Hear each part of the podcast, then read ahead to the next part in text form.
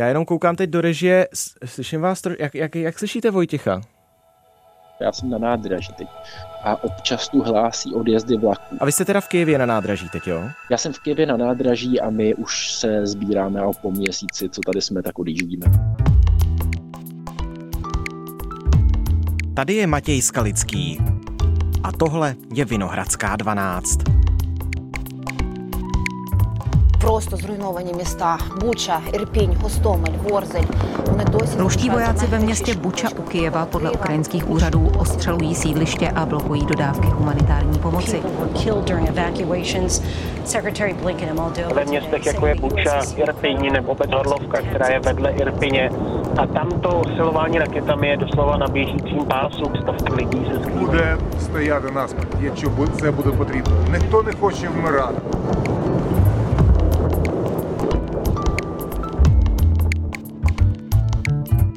Ruská sekera narazila na ukrajinský suk. Kijev se už několik dní srdnatě brání a jeho strážci jsou odhodlaní vytrvat do posledního muže. Mezitím pokračuje evakuace a několikrát za den se ozvou výstražné sirény. O životě v obléhaném městě vypráví Vojtěch Boháč, šéf-redaktor serveru Voxpot.cz.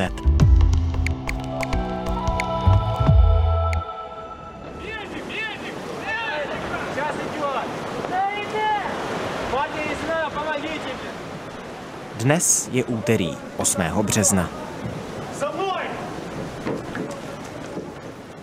Tak Vojtěchu, dobrý den. Zdravím vás. Jak to kolem vás vypadá?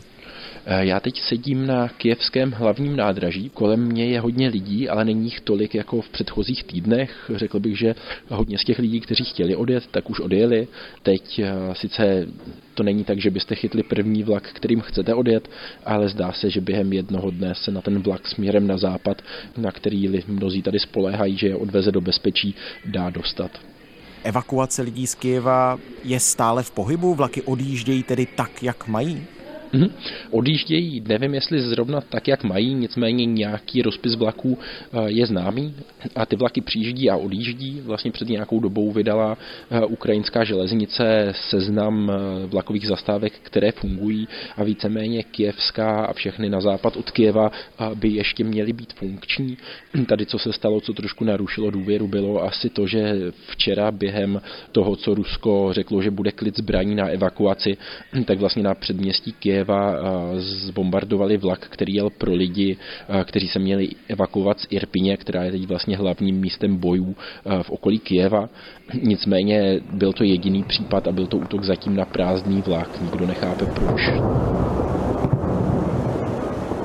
Російські окупанти підірвали залізничні колії та пустий евакуаційний потяг в Ірпені. Про це повідомив міський голова Олександр Маркушин. Працівники потягу живі людей довелося евакуювати з міста автобусами. Co čtete z jejich tváří, z lidí, kteří opouštějí Ukrajinu? Jsou tu lidé, kteří vypadají, že jsou smutní, že odjíždí. Nejsilnější jsou ty příběhy, když máte například matku s dětmi, která odjíždí, nebo babičku s dětmi a loučí se s otcem nebo s oběma rodiči, kteří tu zůstávají, aby bránili Kiev. Vlastně ti lidé často neví, jestli se ještě někdy znovu uvidí. A to jsou vlastně jedny z nejsilnějších emocí, které tu vidím, když eh, jsme viděli, jak lidé nastupují třeba nenutně do vlaku, ale do autobusu, který je vezl na západ. Ty autobusy s matkami, dětmi odjeli, zůstali tam tam několik mužů, kteří měli doopravdy slzy na kraji s tím, že věděli, že ty boje se blíží, že oni asi můžou padnout. Je tu plno lidí, kteří jsou prostě znudění, protože už čekají hodně dlouho. Jsou tu lidi, kteří jsou smutní, protože odjíždí z Kieva a neví, jestli se do něho asi vrátí. My 10 minut nazad přišli, už popast nemůžeme. Ждем, не знаю, никто не знает, все ожидают. Попадем, не попадем, ничего не могу сказать. Jsou tady lidé vyděšení, kteří sem byli evakuováni třeba maršrutkama autobusy z Irpině a, a nedávno ještě dnes si třeba zažili bombardování jejich domů. No a pak jsou také lidé, kteří před válkou se ukrývají v rozvalinách a sklepech svých domovů, zůstávají v tuhle chvíli v Kijevě. Jak jsou na tom? Já jsem zaznamenal na sociálních sítích podmanivou hru na housle s popiskem tohle děláme v krytech, když na nás schazují bomby. Na druhou stranu i z vašich reportáží na Voxpotu je znát, že ti lidé si procházejí skutečně nejhorším, jsou dlouho zavření, bez informací, bez toho, aby se mohli třeba umít. Mají dost jídla, třeba mají dost léků, jak jsou na tom psychicky? tam hrozně záleží, kde to je. My se nemůžeme hmm. moc bavit o tom, že lidé leží v rozvalinách v krytech v Kijevě. To doopravdy není pravda. V hmm. Kijevě těch domů, které jsou na tom takhle špatně, tak jsou jednotky spíš nižší jednotky. Jsou to ty, které známe vlastně ze zpráv a tak, ale na obrovské téměř 3 milionové město Kiev těch domů, které jsou zbořené, je opravdu málo. Nicméně, když eh, vyjedete kousek za Kiev, například už na tu Irpiň nebo Vasilkiv, případně eh, když se dostanete do Borodianky, to jsou už města, městečka, nějaká jejich část je srovnaná ze zemí, jsou města, eh, která jsou prakticky celá srovnaná ze zemí, jako je Volnovácha a tam doopravdy můžeme mluvit o tom, že ti lidé eh, sedí ve sklepech v rozvalinách svých domů.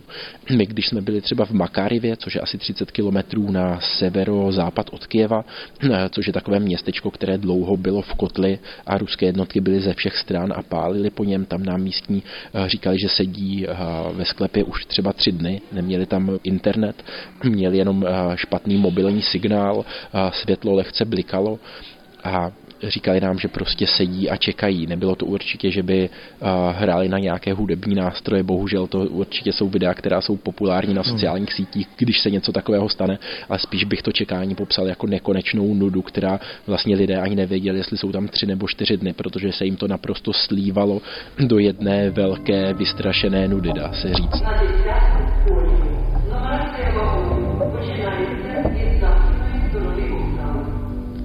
Slyšíme se? Klidně pokračujte. Po vás v této oblasti, o které se teď bavíme, i stříleli, pokud se nemýlím. Po vás jako po novinářích. My jsme jeli do vesnice Borodianka, což je vesnice právě zhruba 35 km na severozápad od Kieva a jeli jsme vlastně oblastí, u které jsme věděli, že je sporná, ale do té Borodianky jsme chtěli se dostat, protože jsme tam eh, chtěli získat příběhy lidí, kteří jsou doopravdy pod ruským bombardováním. Vlastně civilisté Rusko v tu dobu a vlastně doteď eh, hlásalo, že bombarduje pouze vojenské cíle. My jsme samozřejmě už věděli v tu dobu, že to tak není. Viděli jsme víc míst, kde, kde bombardovalo civilní cíle. A my jsme pokračovali dál. Vždycky jsme se ptali na jednom checkpointu, jak to vypadá a vlastně do druhého checkpointu, jestli tam je cesta volná a tady tím způsobem jsme se co nejostražitěji pohybovali dál. Nicméně, když jsme dojeli do Makáriva a už na to další městečko, kde měli Rusové bombardovat, tak eh, jsme najednou před sebou viděli eh, u cesty auto. Byla to taková dodávka menší s označením V. A to označení V je vlastně jedno z těch označení, které používají ruská vojska invazní. A já jsem začal zpomalovat, protože jsem se toho lekl. Ono to samozřejmě mohlo být rozstřílené, rozbité ruské auto, ale přišlo mně, že působí jako netknutě, tak jsem začal zpomalovat a ve chvíli, kdy jsem začal zpomalovat, tak se ozvala střelba. Nazad, nazad, nazad, Voj. Назад, назад, Вой, tak назад. Еще. Попали под обстрел. Попали под обстрел. Сильный обстрел. Сильный обстрел. Попали под обстрел. Очень сильный. Takže uh, jsem okamžitě zařadil zpátečku a začal jsem couvat. Couvali jsme, máme z toho video, protože s náma byl vlastně tým kluk a holka z ukrajinské televize Central, se kterými jsme pracovali tři dny ta slečna začala natáčet, takže máme vlastně celé video tady té naší střelby, které jsme pak dali i na sítě a díky tomu víme, že to trvalo asi minutu a půl, než jsme se z té střelby dostali. V Kalinovce vyjechali na Makarov, silný obstřel. Vlastně jedna kulka zasáhla naše auto, dveře řidiče, pak eh, nevím, jak se to přesně stalo, ale dostala se až do kufru a prostředila ještě batoh vlastně fotografky Majdy, ze kterou tady celou dobu jsme. Nicméně jsme vycouvali a objeli jsme pak eh, ukrajinský obrněnec, který začal právě pálit na ty pozice, ze kterých se ozývala ta střelba na nás s největší pravděpodobností ruské pozice.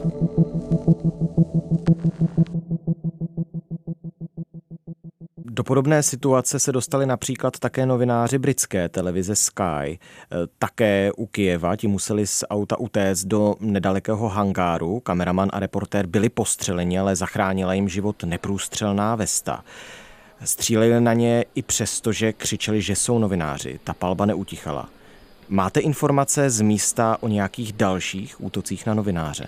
Tak eh, předtím, než eh, my sami jsme eh, vlastně se dostali pod palbu zřejmě těch ruských jednotek, tak už byly informace o tom, že stříleli právě rusové na další dva novináře na, na jihu Ukrajiny. Myslím, že to bylo někde poblíž Mariupolu, kteří byli také označení, ale právě jsme si nebyli jistí, jak to proběhlo. Ta situace nebyla moc dobře popsaná, jenom to skončilo zraněním dvou novinářů. Krátce, co se ozvala střelba na nás, tak s velice podobným příběhem přišla i televize Prima. A vlastně, že se jim něco podobného stalo u Charkova, byť je teda zřejmě nezasáhli, ale ten zvuk, který jsem slyšel z toho jejich úryvku, tak zněl dost podobně jako, jako ten náš. No a pak ten případ novinářů ze Sky News, tak ten byl rozhodně, vlastně dá se říct, nejhororovější. What the f- Whoa, whoa, whoa!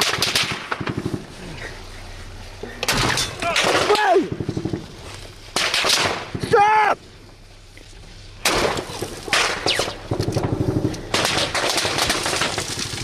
Where the f- everyone? Where is everyone? Já když jsem viděl to video, kdy přímo jde vidět, jak kameraman celou dobu natáčí a jdou vidět kluky, které lítají těsně kolem něj do toho auta. Zřetelně křičí, že jsou novináři.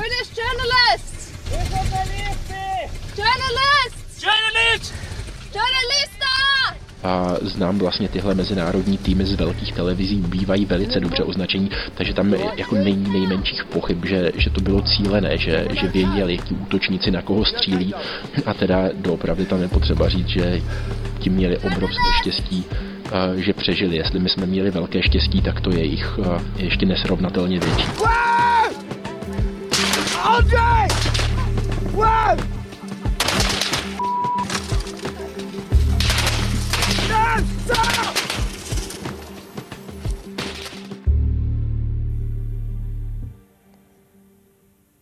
Když jste zmínil štáb české CNN Prima News, tak eh, pokud jsem správně zaznamenal, tak eh, jeden z těchto štábů, které má tato televize na Ukrajině, eh, byl zadržen kvůli podezření ze špionáže, Ukrajinci tedy. Objevily se případy nějaké infiltrace ruských vojáků mezi novináři?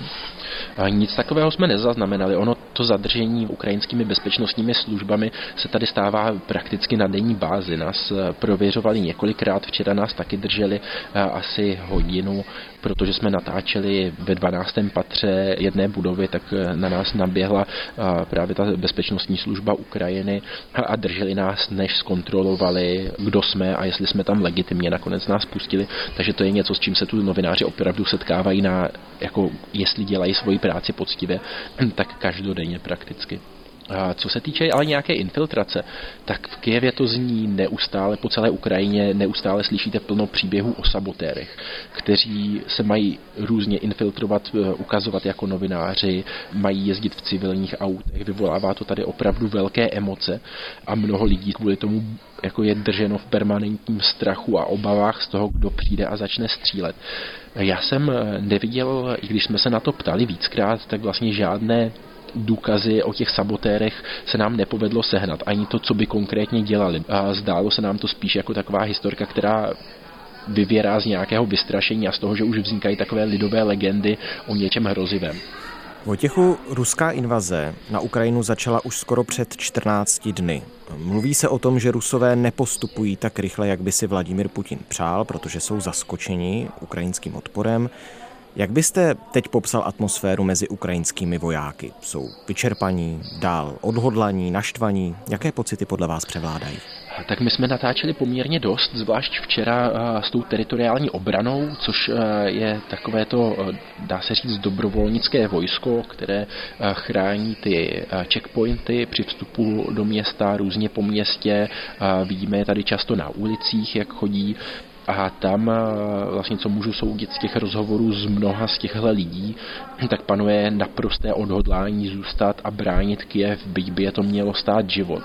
Zároveň, co je zajímavé, tak do tady těch dobrovolnických jednotek teritoriální obrany se hlásí obrovské množství lidí a říkali nám, že doopravdy mají obrovský přetlak lidí oproti tomu, kolik z nich mohou vycvičit a kolika z nich mohou vlastně může ukrajinská armáda poskytnout zbraně.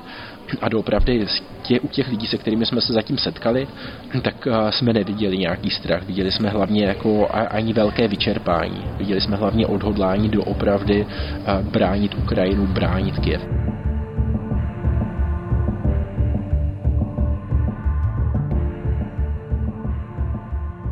Když jsme pak potkávali vojáky blíž těm místům, kde se pohybuje nějaká ta frontová linie. Ono proto, aby člověk chápal, co se tady děje, tak je to opravdu potřeba nepředstavovat si nějakou poziční válku, kde je jedna fronta a proti ní druhá. Je to, ta fronta se tady neustále hýbe, jestli někde je trošku stálejší, tak je to třeba kolem toho města Irpiň, asi pět kilometrů na sever od Kijeva, ale jinak jsou to takové přesuny vojsk, kdy občas potkáte kolonu obrněnců a tanků, tu ukrajinské síly rychle zlikvidují a zase tam nic takového není, nebo naopak se ukrajinské síly posunou kousek dopředu, ale je to spíš o náhodě, kdy doopravdy někoho, někoho potkáte. A když jsme se pohybovali v těchto místech, tak tam ze strany ukrajinské armády byla vidět obrovská ostražitost, byly tam vidět velké vlastně nervy, nevíte, kdy kdo na vás zaútočí, jaké auto je civilní a v jakém by byli potenciálně nějací třeba sabotéři, jde vidět, že doopravdy je potřeba dávat pozor úplně na všechno ze všech stran, protože nikdy nevíte, kde se co objeví a tady ti vojáci už blíž tady té té fronty, jestli to tak můžeme nazvat. Ti často vypadali vyčerpaně, ale zase odhodlaně, ale velice ostražitě. Je to složité vlastně popsat, ty pocity. Jak velkou část toho odhodlání eh, čerpají vojáci z odvahy prezidenta Volodymyra Zelenského? Hmm. To je těžké říct, nicméně to, s čím my jsme se setkávali, bylo, že doopravdy lidé, že jim to dodává obrovskou motivaci a odvahu. A ne, nevím, nakolik třeba vojákům, ale i vlastně s těmi, když jsme se o tom bavili, tak eh, i ti, kteří nám dřív, jako říkali, že dřív eh, v něho nevěřili, že ho nevolili, tak si hrozně vážili toho, že tu zůstal, že doopravdy, přestože na něm je často vidět únava, takže tu zemi nějak se snaží motivovat, vést jí, přestože o sobě říká, myslím, že mu to můžeme klidně věřit, že on je tím cílem číslo jedna. Vidíme ho, jak se s těma vojákama objímá, jak jim dodává nějakou kuráž. Українці, нас багато, нас мільйони, а це мільйони способів боротися за своє майбутнє, за нашу державу, за нашу свободу, за наш національний прапор, жовто-блакитний, ne trikolor. A myslím, že je to v současné době obrovský stmelující prvek, o který se tady pak běžní lidé, vojáci, ta teritoriální obrana a další můžou nějakým způsobem opřít a ví, že v tom nejsou sami, že to vedení země je s nimi. Vraťme se teď eh, přímo do Kijeva, tam, kde teď konkrétně vy jste. Ruská vojska už několik dní dobývají ukrajinskou metropoli, bombardují ji, sám jste o tom napsal několik reportáží. Bylo půl osmé ráno a Marie šla jako každý den do práce po hlavní ulici v jeho západní části Kijeva. Modré nebe prořízl záblesk a ozval se výbuch, po kterém už neslyšela vůbec nic. Odhodilo mě to o pět metrů, celé tělo mi pokrývala suť, říká tichým, přerývaným hlasem. Celou pravou polovinu obličeje, kterou dopadla na zem, má modrou a v uších jí píská, že těžko slyší. Přesto byla z těch, kteří dopadli lépe. Raketa, která uřízla část domu na ulici Lobanovského, za sebou nechala dva mrtvé a čtyři raněné. Hasiči už od rána odklízí suč z ulice, ale stále v ní jsou vidět příběhy lidí, kteří přišli o byt a možná i o život. Mezi sutí a cihlami leží podběrák, o kus dál zase zlámaný rybářský prut. Rybářské křeslo a asi na 100 metrech nacházíte další a další rybářské háčky, připnuté k různobarevným gumovým rybkám. Jinde zas narazíte na zaprášenou knihu Hobbit v anglickém vydání. Vedle tří ambulancí se na zemi povaluje zakrvavený cár košile. V těch ulicích jste byl, natáčel. Dá se říct, jak často teď Kijevem zní výstražné sirény a zda stále ještě funguje zásobování? Výstražné sirény zní každý den prakticky. Několikrát jsou dny, kdy je, myslím, že to bylo zhruba před třemi dny, kdy jsme doopravdy slyšeli každou chvíli. To bylo několikrát za hodinu třeba, ale zase to záleží. Jsou hodiny, kdy zazní několikrát, jsou hodiny, kdy nezazní vůbec, nebo může to být třeba pět hodin, kdy nezazní vůbec. Nicméně lidé už si na ty výstražné sirény nějak zvykli a myslím, že už to v nich nevyvolává takový děs jako ze začátku, když ta válka byla něčím úplně novým. Jak jste říkal, ona už trvá 14 dní a lidé nám tu říkali, že si zvykli na tu novou realitu, že už je to vlastně neděsí, že ví, že tady je válka, že na něj někdo útočí, ale že prostě ta lidská psychika si na to zvykne dost rychle. Když se ty výbuchy blíží, tak lidé jdou do krytů, když neslyší nic v okolí, tak dost často už ty sirény ignorují a prostě pokračují v práci, kterou do té doby dělali. Co se týče toho zásobování, to funguje vlastně nečekaně dobře pořád, byť koupit chleba už není úplně reálné, ten jsme neviděli pěkně dlouho, ale ty trvanlivější věci v obchodech stále jsou. Dokonce včera jsme objevili několik benzinek, kde jsme mohli natankovat vlastně lékárny, pořád některé otevřené jsou, už dokonce to vypadá, že se lidé předzásobili trvanlivými věcmi, jako je hlavně vlastně ve zdejších podmínkách nějaká pohanka, těstové a už ani ty fronty v obchodech, ani ty fronty na benzínkách, ani před lékárnami nejsou až tak dlouhé. I bankomaty se dají sehnat, takže ze kterých kterých si můžete vybrat peníze. Takže myslím, že ta původní prvotní panika se doopravdy nějakým způsobem ustálila. Teď všichni ví, že samozřejmě na Kiev půjde útok, že se to blíží čím dál blíž k městu, ale, ale doopravdy velké zmatky tu nevidíme. Vy jste mluvil o odhodlání lidí, také o důležité roli prezidenta Zelenského. Věří tedy Ukrajinci v to, že nejen Kiev, ale celou svou vlast před ruskými vojsky ubrání? Tady to přesvědčení, že Ukrajina tuhle válku vyhraje, je naprosté. Vlastně já doopravdy jsem snad nepotkal nikoho, kdo by si připouštěl, že Ukrajina by mohla prohrát, že by doopravdy Rusko dobilo centrum Kijeva co je pak horší, je, že třeba když jsme byli před týdnem v Irpini, v tom městě, které se teď bombarduje, tak nám místní říkali, že eh, Rusko Irpiň nedobije nikdy. Teď vidíme, že, že eh, ruské vojska jsou v centru Irpině, že tam zemřelo plno lidí při snaze o evakuaci, že vlastně za dnešek se z Irpině evakuovalo přes 2000 lidí a dopravdy ruská vojska jsou v centru města. Takže ono, i když si to lidi nepřipouští, což si myslím, že je i nějaký takový mentální obraný mechanismus, tak vidíme, že ta ruská vojska postupují a, a ještě uvidíme, jak to, jak to celé dopadne. Nicméně to přesvědčení, že, že se Ukrajina nedá a že si ji Rusko nedokáže podmanit, je vlastně, řekl bych, téměř totální. Moc krát díky za váš čas a šťastný návrat domů. Děkuji, přeji vám pěkný den, děkuji za rozhovor.